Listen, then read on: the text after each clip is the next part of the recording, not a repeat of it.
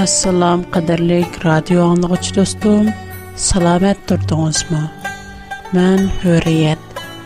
Har qaysingizlarga omonlik tilayman. Bugungi suhbat temamiz Kur'an karim muqaddas kitob, Tavrat va İncil to'g'riliq nima deydi? Qur'on-Karim kona ahdda yetakligüchi deydi. 2-ci surə Bəqər 53-cü ayət. Öz vaxtında sizlərni hidayət tapsın deyə Musa'ğa haqqı batıldan ayırğıcı kitabını bərdiq. Quran-Kərim bütkül müqəddəs kitab, yəni Tevrat, İncil bütkül insanların yetəkçisi deyir. 2-ci surə Bəqər 53 159-нчы аят, 3-нче al ал 3-нче аятларга карап Bu kitapta kişilerge toğra yolunu enik bayan kılığınımızdan kiyin, biz nazil kılgan roşen delillerini ve toğra yolunu yuşurudgallarga Allah lanet kılıdı. Lanet kılgıçlar mı ularga lanet kılıdı. ilgiri kishilarga yo'l ko'rsatkichi qilib Tevrat bilan injilni nozil qilgan edi. Qur'on Karim muqaddas kitob Tevrat injilni o'zingizga yetakchi qiling deydi. 23-cü surə Müminun 49-cu ayətə qarab baxaylı. Onlarni hidayət tapsın biz həqiqətən Musağa kitab ata qıldıq. Demək, əgər onu özünüzə yetəkçi qılsınız, siz hidayət tapsınız. Müqəddəs kitab Tevrat, İncil həqiqət. Şuna Allah bizning müqəddəs kitabqa əgəşişimizni xalaydı. 2-ci surə Bəqər 87-ci ayət. شک شوپس کی بیز مساقا کتاب پردوق. آنان دینکین آرقمو арқа پیغمبرلر افت دوق. оғли Исаға ایساقا موجزلر پردوق. هم рухил آنی روحیل قدوس بلن یل دوق. هر قشن برر پیغمبر کنون لرگا یخمایدگان برنرسه Мушу сүрдә улар, яни Муса, Айса ва башка пайгамбарлар немелеп келди? Улар Аллаһның хакыикаты булган Таврот ва Инҗилне алып келди. Бирок улар хакыикаткә ишенишнең орныга кавырлык кылып, уларны инкар кылды. Шу сүрә 146-нчы аят мондак дейдер. Без китап бергәнләр, уни үз огылларын тунугандак тунайды. Уларның бер-бер кысы шөхбсез ки хакыйкатны билеп турып юшырды. Мушаят мо Таврат Инҗилнең хакыйкат икәнлеген, әмма бәзи кешеләрнең агаурлык кылып, хакыйкатка әгешишнең орныга уларны инкар кылдыганлыгы ularning haqiqatligini aniq bilsimi biroq ularni qubul qilmaydiganligini aytadi yana shu sura 174 yuz yetmish to'rtinchi oyat 176 yuz yetmish oltinchi oyatda mundoq deydi allo kitobda nozil qilgan narsalarni yoshiradigan va uni oz pulga sotadiganlarning qiyamət günü Allah onlara söz qılmaydı. Onlarını paklamaydı. Onlar qatlıq azabqa düşər buldu. Bu şunun üçün ki, Allah həqiqətən haq kitabını nazil qıldı. Kitab doğrusunda ixtilaf qılğıçılar çoğunqur nizadıdır. 213-cü ayət İnsanlar bir ümmət idi. Allah xoş xəbər bərgüçi, agahlandırğıcı peyğəmbərlərini əvətdi. Kişilərinin ixtilab qılışqan nərsləri üstüdə hökm çıxırış üçün ularga haq kitabını nazil qıldı. Bu ayətlərinin həmisi bizgə birlə nərsini etib burdu. O bolsumu Tevrat, İncil, həqiqət. Allah bizning uningga əgişishimizni, shu bo'yicha ish ko'rishimizni umid qildi xohlaydi biroq ko'plagan kishilar uning haqiqatligini bilib turibmi uningga ergashmaydi hakavurlik qilib ularni inkor qiladi mana bular qattiq azobga duchor bo'lganlardir injil tavrot butkul insonlar uchun berilgan 28. суре, қасас, 43. айад. Шыхпсіз ки, біз, илгер ки, үмметләрні халак қылғандин кин, кишіләрнің дыларға нор біріп, уларни хидаият ва рахмэт қылдық. Улар вәз ләсият алсун деп, Мусаға китабни бәрдіг. Яна, 3. суре, Ал-Имран, 3-cü, 4-cü ayətmə oxub ötkünümüzdək oxşaş məzmununu təkrarlaydı. әмісі, hamısı нұр, nur, hidayət, rəhmət buluş üçün Xuda tərəfindən düşürülgən. Allah bizning müqəddəs kitab Tevrat ve İncil'ni ügünüşümüzni, bilişimizni halaydı. Aldı 2. Bəqər 78 oyatga qarab baqayli. Ularning kitabını kitobni o'qimaydi. la bildi, guman bilan ish qiladi. Bu yerda Xudo muqaddas kitobni bilmaydigan, o'qimaydiganlarni xorlar deb ayiblaydi.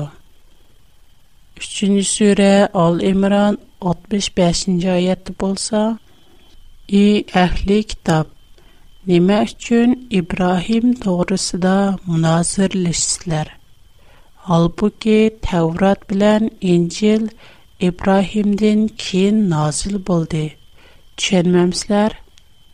Müşayətdə Xuda bilimsizlərini əyibləydi. 79-cu ayət bolsa, Allah birər insanğa kitabni, hikmatni, payg'ambarlikni bergandan keyin uning kishilarga Allohni quyub, menga panda bo'linglar deyishi loyiq bo'lmaydi. Va lekin kitobni o'rgatganlikinglar, o'qiganliginglar uchun Rabbani bo'linglar. Bu oyatning ma'nosi kitobni yaxshi o'gining va o'giting. Muqaddas kitob Тәурат вә Инҗилне тирешип үгүнеш керек. 6 сүре Ан'ам 155-156 аят. Бу без назил кылган мубарак китаптыр. Алланың рәхмәтенә үмид кылгычлардан булыш өчен оныңга әгишиңнар, сакланыңнар. Сизләрнең фақат бездән илгерге 2 ki taipigla назил nazil qilingan. Ularning o'qgan kitoblaridan bizning zodila xabarimiz yo'q demaskinglar uchundir.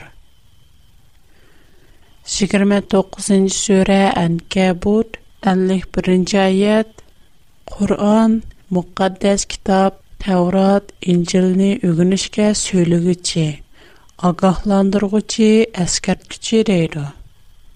bu surəni көріп өтәйлі.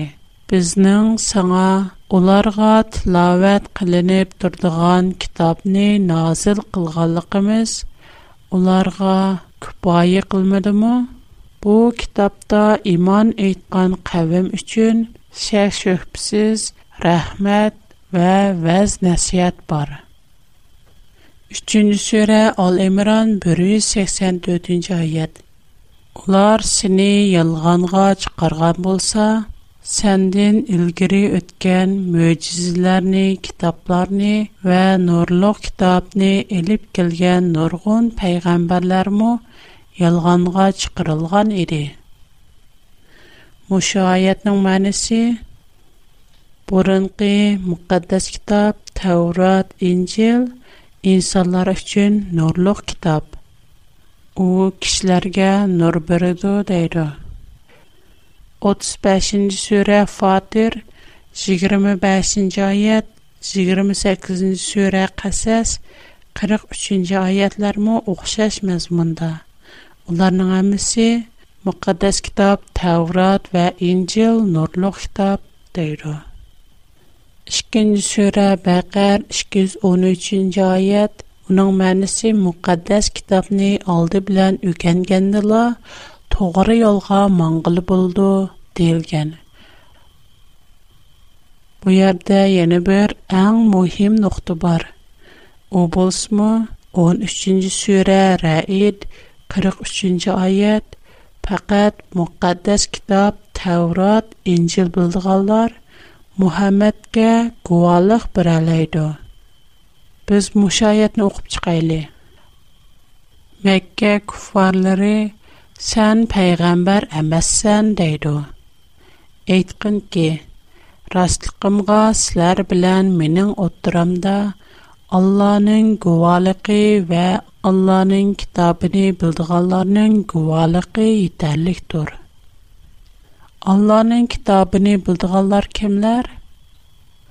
Әлбәтті, әх китап, nurluq kitob muqaddas kitob Tevrat və İncil verilənlər Faqat Tevrat və İncilni bildiganlar Muhammed üçün guvalıq biralaydı. Onu ras deyalaydı. Əgər əgər biz müqəddəs kitab Tevrat və İncilni bilməsək, Muhammed üçün heç qandaq guvalıq bira almayız. Həm um, İncil, Tevrat bilmeyenlerin Muhammed için guvalık biriş salayeti yok. Mani bu ayet bizge Muqaddes kitab, Tevrat ve İncil nicatlıqnın asasi işgelikini körüstüb birdu. Burğun nurğun ayetler arqılıq Kur'an'nın Tevrat ve İncil'ni təstiqlaş üçün, guvahçı buluş üçün, onu qoğdaş üçün kəlgəlikini Әмма Таврат Инҗилнең булса, хакыйкать, тугры, нур ва һидаят икәнлеген күреп үткән. Шуңа Муша аят безгә Мукаддас китап Таврат ва Инҗилнең ниҗатлык асасы икәнлеген күрсәтеп бирде.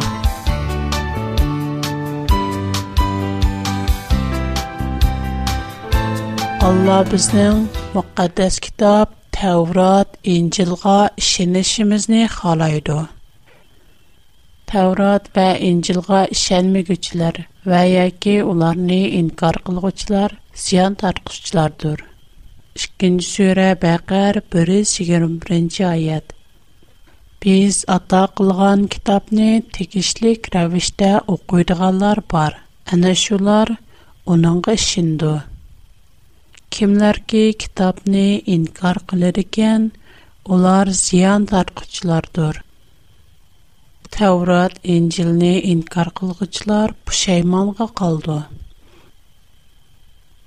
10-нче сүре Юнус 95-нче аят. Кимки Аллаһның аятларын инкар кылса, у киши каттык зыян тарткычы.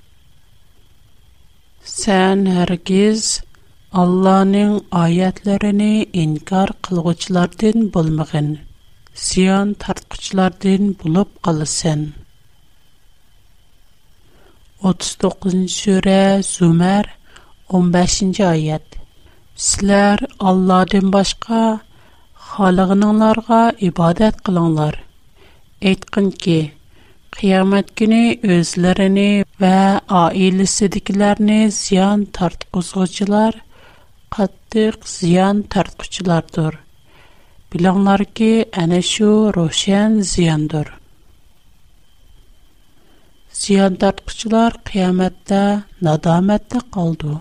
6-cı sura En'am 31-nji ayet. Allah'a muqallat bulışnı inkar qılğanlar haqiqatdan ziyan tapti.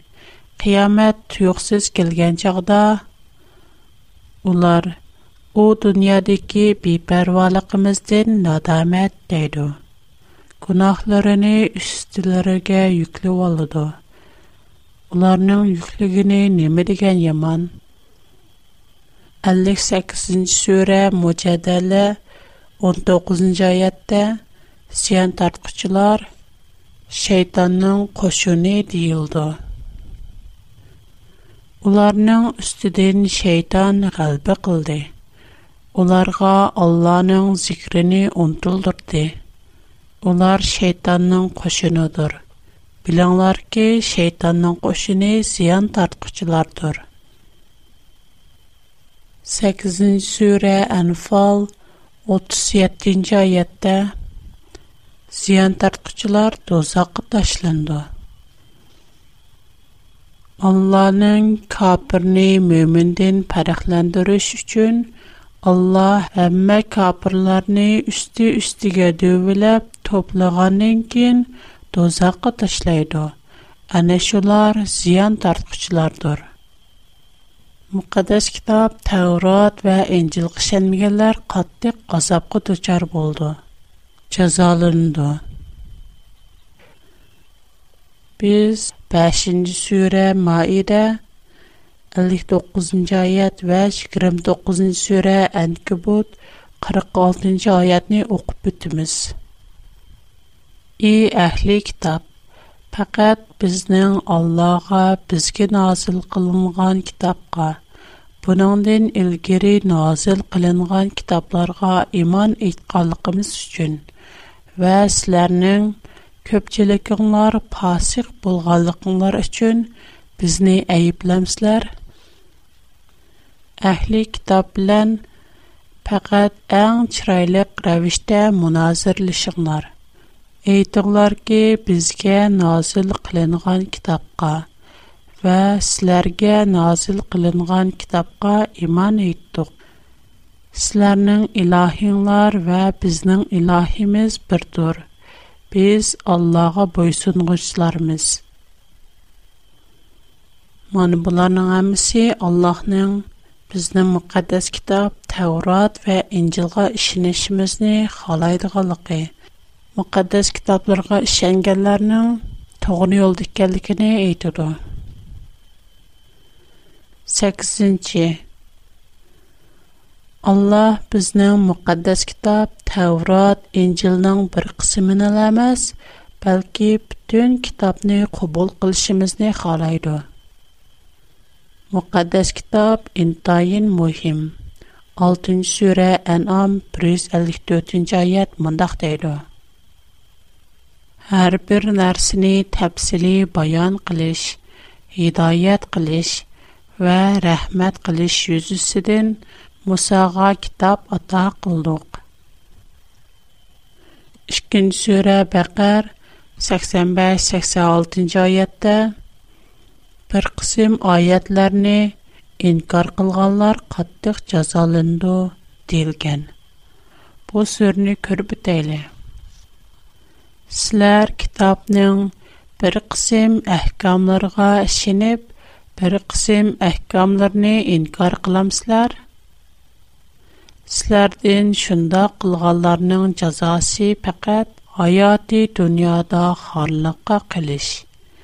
Qiyamet günü qattyq azapqa tutçar bulıştır. Allah qilmishanglar ten gafil emestir.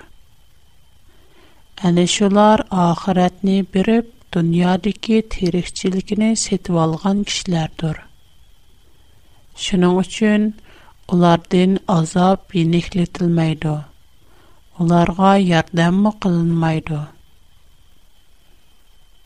3-нче сүре Ал-Имран 119-нчы аятның мазмуны мондак: Мусулманнар христианларны яхшы күрде, дост булды ва бүтән мукаддас китапка ишенде. Силәр уларны дост тутсызлар, китапка ишенесезләр. Яна мукаддас китап Инҗилнең Мәтта баян кылган хош хәбәр кысымы 5-ci bab 43-44-cü ayətdə mündaq deyilgən. Xoşdağını, özəğini söygəndək söy. Düşmününü mu söy. Sini qıstıqalar üçün dua qıl. Allah bizning muqaddas kitobning biror parchasini yoshirishimizni xohlamaydi. 3-sura Al-Imron 187-oyat. Өз вақтыда Алла китап берилгәнләрдән китапны кишләргә чоқым баян кылып беришкә ва юшырмаслыкка әһд алды. Ләкин буны улар аркысыга чөөрәтте ва уни азгына бәдәлгә тигиште. Уларның тигишип алгыны неме дигән яман.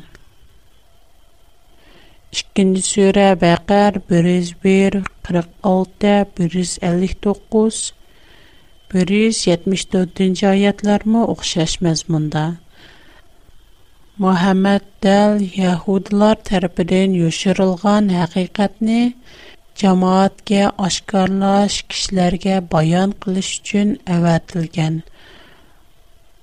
buni 5 sura maida 15 oyatdan ko'rib olaymiz Е ахли китаб Сизларга силәр китапта юшырган нургын нәрсәләрне баян килеп, бердган ва нургыны кечүрइदган Рөсүлебез келде. Сизларга Аллаһ торпедә нур ва рошен китаб келде. 9-чы Qur'on, müqəddəs kitab, Tevrat, İncilğa şahid buldu. Onlarga guvalıq burdu. Onu təkrarlamaydı. Onu inkar qılmaydı. 35-ci surə Fatir 31-ci ayət və 10-cu surə Yunus 37-ci ayət. Саңа біз вәхи қылған китап әқтұр. ilgirki kitoblarning isbotlig'ichidir bu qur'onni birovning allohga ibtiro qilishi aqlga sig'maydi lekin qur'on ilgari kelgan kitoblarni tasdiq qilg'uchidir alloh belgilagan ahkomlarni bayon qilg'uchidir uningda hech shak yo'qdir qur'on tavrat va injilga guvohlik burdi ularga şahit buldu degan mazmunda. Guvalıq biriş degenin mənisini düşünüp görsək, guvalıq biriş, itiraf qilish, cəzimləşdiriş, küçəytiş, ilhamlandırış, isbatlaş, kabalət qilish, eniqlaş, paket, qanunluq ikənligini isbatlaş, şahid buluş, test/və küçəyətiş diqqət mənələrinə göstərdidilər. Şahid buluş, şahid gəliş, bir xismətkarın roli. Bunlar nəmi digən mühim müqəddəs kitab Taurat və İncil bir-bir çəhd gəlsə, Quran gəyə şo xətt ki, bislğan tam qəbulub, şo xəttin hüququğa huquqliq ekanligiga isbot berdi. Kishilar xatni o'qiydi va uningdan ko'p narsalarni bildi. Uning huquqi bo'yicha ashu xatning talabi bo'yicha ish ko'rdi. Ammo tamoq bo'lsa kishilarga ashu xatning muhimligi, huquqini namoyon qilib turdi. u xatdin ustunroq emas chunki tamg'ining o'zi hech qandaq ma'na yo'q chunki tamg'ining o'zi bizga hech nimani ko'rsatib tushundirib berolmaydi faqat shu xatning muhim huquqliq ekanligini namoyon qilib turdi xolos xatni ko'rguchilar uchun eng muhimi xatning mazmuni xatdagi so'zlar chunki xatda xatni ko'rgich uchun nurg'un бишарәтләр, нургын нәрсәләр язылган. Хатны күргүче тамгыны күреп, шу буенча эш кыламайды, чөнки тамгыдан у фақат хатны исбатлаш, хатның хукуклык икәнлегене намаян кылыш. Тамга хат эмас. Тамгыдан һеч кандай хатны күрә алмыйбыз. У фақат тамга. Әмма хат булса, тал хатны көргүченә бишар ти.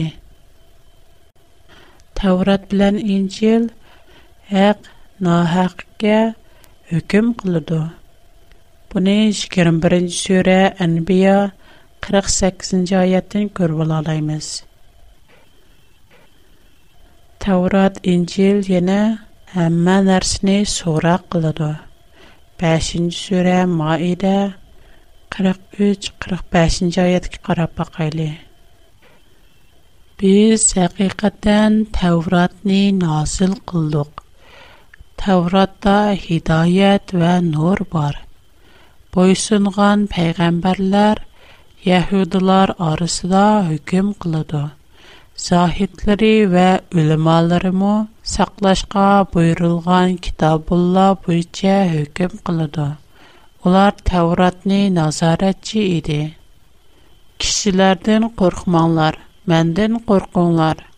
Менің аятларымны аз булга тигишмәңләр. Кемләр ки Алла назил кылган аятлар буенча хөкем кылмай дигән, улар кафирлардыр. Алла назил кылган аятлар буенча хөкем кылмай дигән кишләр залимлардыр димак буайтаның мәнсе, буайта пэткене мәстек, кем таурат буйҗәк, кем кылмаса, ул хис залем мөемнәмес. Таурат инҗил булса, Куръанга паха бире дә. 10 сүре, Юнус 94 җайәт мошы нуктыны испатлыйды. Мубада сән Саңа біз насыл қылған кітаптен шәклендіған болсаң, сәнден үлгірі китап оқуғалардын сорап баққын. Демек, Тәурат білән Инжил Құранның тоқырлықыға үкім қылды. 10-ші Құран китап кітап Тәурат Инжилні Я малларның Шәриидә саклайды. 5-нче сүре, Маида 48-нче аят. Без саңа өзедин илкәрке китапларны итәрәп кылгучы һәм уларга шахид булгучы Һак китабын азыл кылдык. Мүкәддәс китабны кугыдыр. Кур'ан-Карим мүкәддәс китап, Таврот, Инҗилнең хукукы даирсе дике бер u muqaddas kitob tavrat injilni o'zgartishga uringan rasullarga hukm qiladi ikkinchi sura baqar 79 174 oyat kitobni o'z qo'llari bilan yezib uni oz pulga setish uchun bu olloh tarafidan nozil bo'lgan degichilarga voy қолы білән язғалары үшін оларғы вай. Ерішкен нәрсілер үшін оларғы вай.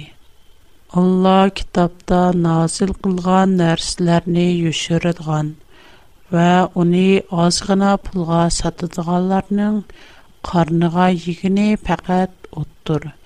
Қиямет күні Алла оларға сөз қылмайды, оларыны пақылмайды.